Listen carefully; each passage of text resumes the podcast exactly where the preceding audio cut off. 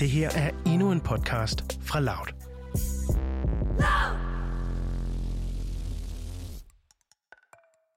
En ung mand i slutningen af 20'erne sidder spændt ved et bord, der er placeret i et hjørnekontor på et af Sarajevos hoteller.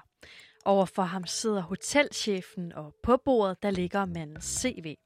Et CV, der viser, at han er mere end overkvalificeret til den stilling på hotellet, de taler om. Men han har altså alvorligt brug for pengene, og har i øvrigt ikke fået tilbudt andre jobsamtaler. Så han gør sit allerbedste for at imponere chefen. Han ved nemlig også, at listen af ansøgere den er lang, og at han med garanti ikke er den eneste i bunken med et flot CV. Da samtalen den er slut, der viser det sig, at det er gået ret godt. Den unge mand får nemlig tilbudt jobbet på hotellet. Der er bare lige et krav. For at få jobbet, så skal han overføre et beløb til hotelchefen, der svarer til et halvt års løn.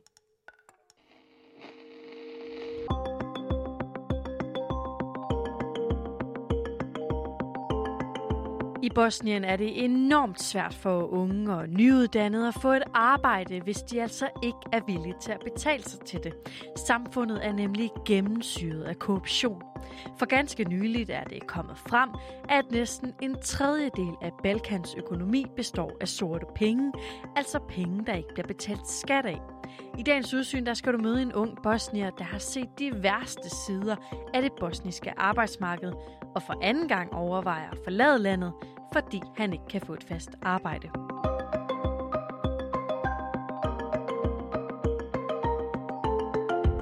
Det her er Udsyn med Sofie Ørts.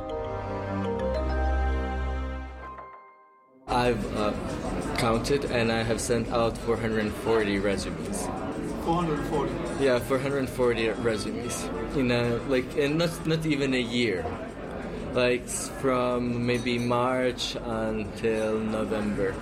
Som du måske kan fornemme, så er vi på en café i Bosniens hovedstad Sarajevo.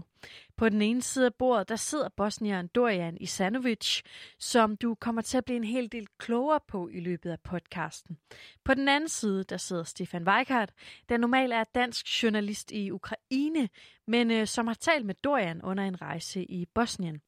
Og Stefan, prøv lige at sætte lidt flere ord på, hvem Dorian han er. Dorian han er øh, 27 år, øhm, og så har han boet hele, sit, tid, øh, hele sit liv øh, stort set i Bosnien, men øh, han har også nogle kroatiske rødder. Øh, så virker han jo på mange måder som sådan en øh, normal, ung, frisk fyr, som har mod på livet, eller i hvert fald har mod på at få skabt en, en tilværelse, fordi han er lidt, han er lidt deprimeret, og en lille smule øh, frustreret over den situation, som han er i. Even though like I speak a couple of languages, I have a lot of professional educations, I have a lot of non-governmental organization experience. Uh, I did like any kind of job, but still, it's almost impossible to, you know, survive here. Og det er ikke så usædvanligt, at unge bosnier har enormt svært ved at få et arbejde, selvom de, som i Dorians tilfælde, står med et ret strålende CV. Rent faktisk så er arbejdsløsheden blandt unge i Bosnien på 40 procent, og dermed fire gange højere, end den er her i Danmark. Og det er der ifølge Stefan Weikart øh, flere forklaringer på. For det første så er økonomien jo ikke øh, særlig god. Det er et land, som jo har en, en BNP på cirka øh, en 15. del eller en 20. del af Danmark. Så det er jo først og fremmest et fattigt land. Derudover så er det jo også et land, hvor at store dele af, øh, af økonomien er styret af staten, og ikke altid særlig effektivt. Øhm, det vil sige, at det er en, en økonomi, hvor at der er relativt øh, meget korruption. Der er selvfølgelig andre steder i verden, hvor det er værre, men det er rigtig højt, især til betragtning af, at det her det er altså et, et land, der ligger lige ude foran øh, EU. I was applying for a job last year, and on the interview they asked me to pay them 5,000 marks to like just to get that job. Ja, derudover så er der også den her kutume til, at man i mange jobs skal betale en uh, korruption for at få jobbet. Og det er jo også noget, som han selv her har, har været udsat for. Altså at, ja, du er kvalificeret til jobbet. Ja, du er dygtig. Vi kunne godt tænke, dig, øh, tænke os at have dig her. Du vil passe perfekt ind. Men du skal lige øh, betale øh, x antal tusind kroner under bordet, for at det er dig, vi vælger, frem for en kandidat, som ikke vil være øh, lige så god. Som du måske har regnet ud, så var det Dorians jobsamtale, der blev beskrevet i begyndelsen af den her podcast. Under jobsamtalen der blev han nemlig bedt om at smide 5.000 mark, det er godt og vel 19.000 danske kroner på bordet, hvis han altså var interesseret i at få det her arbejde, som han i øvrigt var overkvalificeret til. 5,000 marks, they asked me, and it was just a really stupid job. It was a reception desk here in like one of the hotels in the old town. And it was, you know, I understand the past year has been very difficult due to COVID situations, and a lot of people lost their jobs, and it's been very difficult for everyone to find a job. But, you know, for these uh, start entry jobs, you know, entry jobs, it's just, you know, before it was super easy to find it, but now, like, even for these entry jobs, you need to know people, you need to have a connections, or if you don't have a connections, you need to have a money for them. Og de her penge under bordet er altså et udbredt fænomen, ikke bare i Bosnien, men i hele Balkan. Og det blev så bekræftet i en nylig rapport, der peger på, at øh, ikke mindre end, hold nu fast, 30 procent af samfundet består af sort penge. Det betyder jo, at, at cirka 30 procent af økonomien ikke foregår på lovlig vis.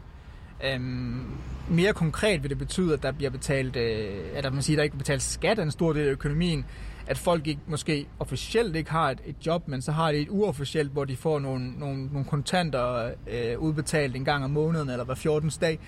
Øh, så det giver et udtryk for, at det er en økonomi, som, som har, nogle, har nogle store udfordringer. Og Stefan, nu har vi så hørt det her med, at øh, Dorian han var blevet bedt om at betale for at få et arbejde. Men hvordan bliver der ellers holdt øh, live i den her korruption, hvis man kan sige det på den måde? Man holder jo liv i skyggeøkonomien og korruptionen ved ikke at gøre noget. Og det er det, som man også hører både fra, fra unge i landet som Dorian, og man hører fra, øh, fra eksperter, er jo, at der, at der bliver ikke gjort noget politisk. At der har været den her krig i 90'erne, som selvfølgelig har fuldstændig ødelagt øh, øh, landets økonomi. Men, men når man så begynder at, at genopbygge landet, så er det ligesom om, at det har mere gået ud på for landets politikere på at tilrage til sig selv. All of the people actually that are in government now and that are having leading positions, those are the people who survived the war in Bosnia.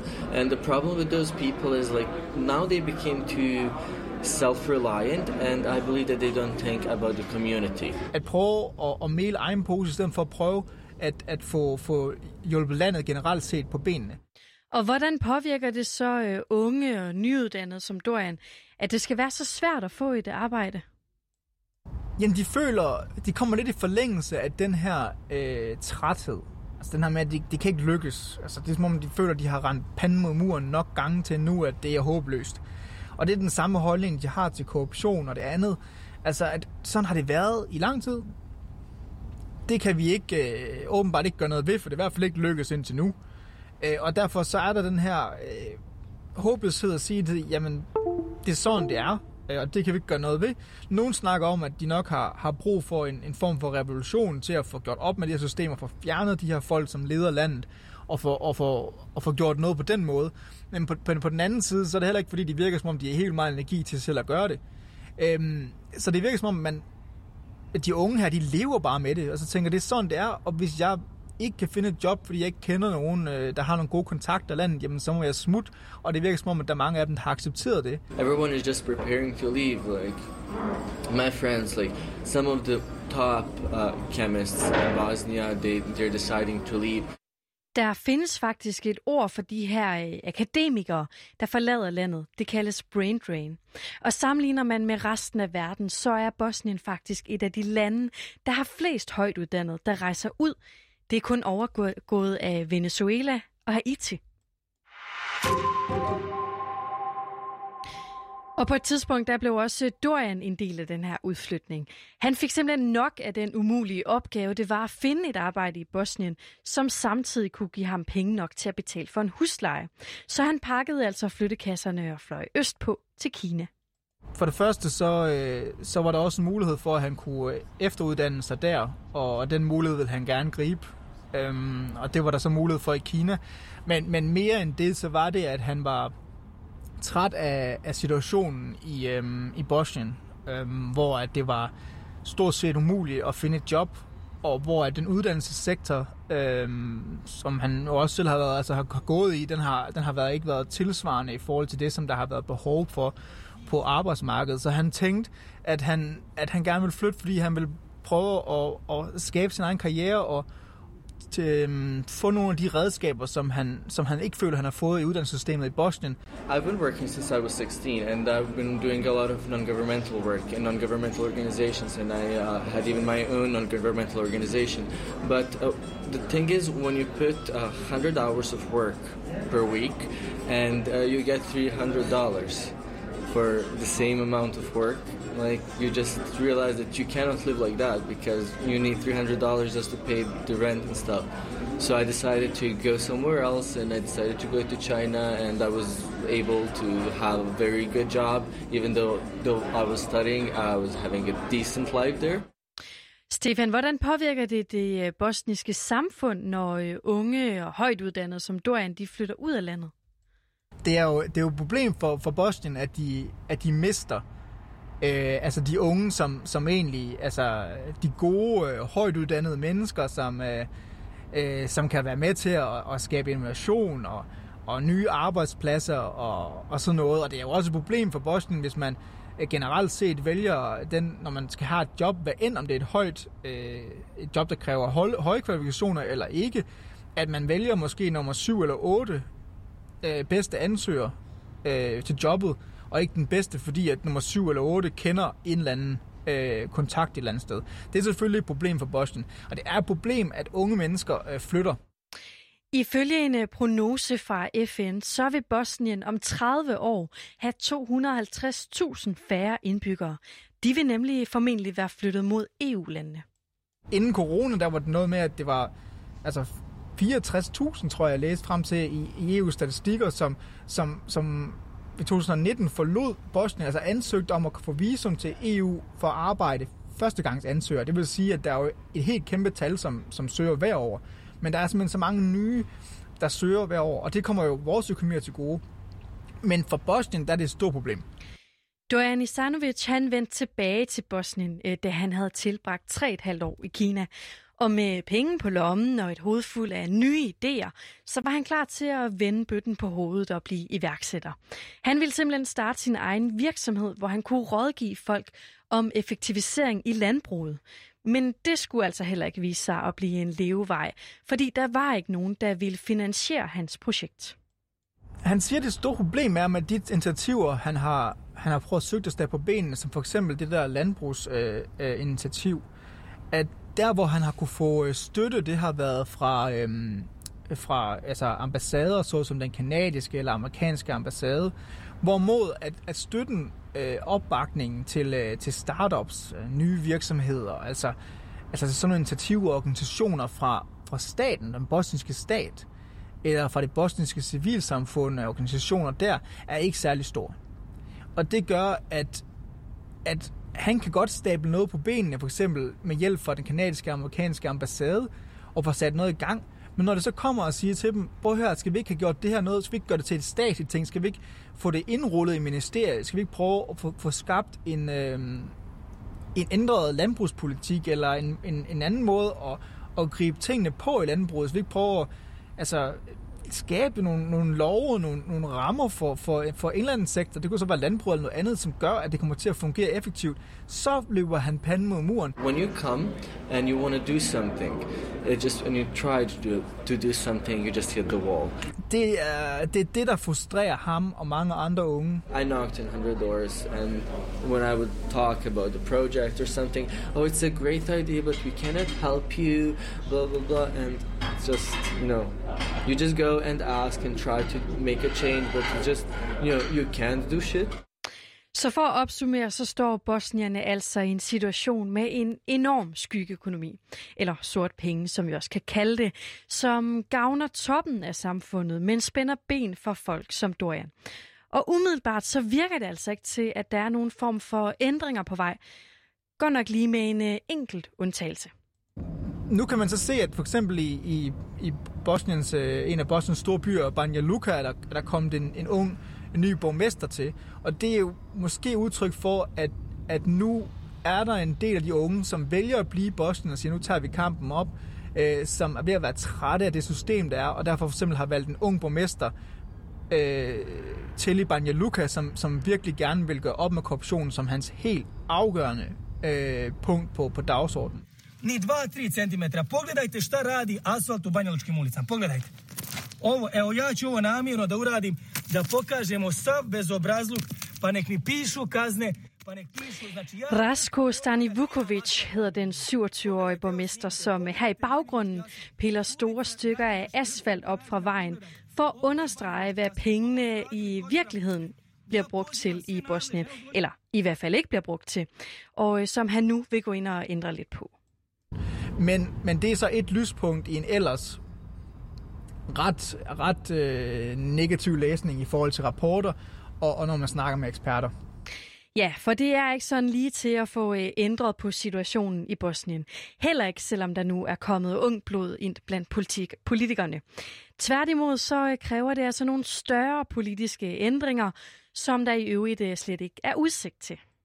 Ja, grunden til, at det ikke er sket, det må man jo så sige, hvis det er politikerne, der skal ændre det, og det ikke er sket, så peger man jo på, at det er politikernes problem, og det er mangel på politisk vilje. Og lad os så lige slutte af med at få svar på, hvad fremtiden bringer for Dorian, der altså ikke har fundet sig et fuldtidsarbejde i Bosnien endnu. Uh, I will probably go back to China. Han kom tilbage i håbet om, at han kunne, øh, kunne få et job og kunne bruge de kompetencer, han har fået i Kina. Øhm, så kom øh, coronakrisen, har jo ikke gjort det nemmere, men som han siger, det havde nok ikke været specielt anderledes alligevel. Men nu har han prøvet at, at give det et par år øhm, i, i Boston igen, efter han kom tilbage fra Kina, og, og nu øh, er han ret sikker på, at han, at han rejser igen, når at det bliver muligt at rejse med, øh, på, eller på den anden side af coronakrisen, hvor nu end det er, så øh, så vil han gerne rejse igen, og han peger selv på, at det oplagte er at komme tilbage til Kina. I mean, uh, I, I know the language already quite well.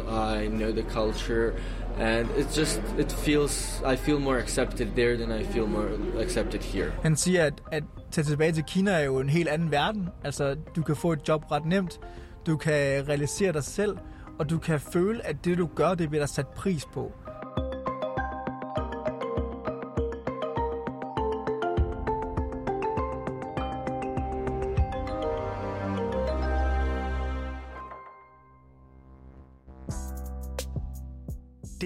en aktuel podcast fra Loud.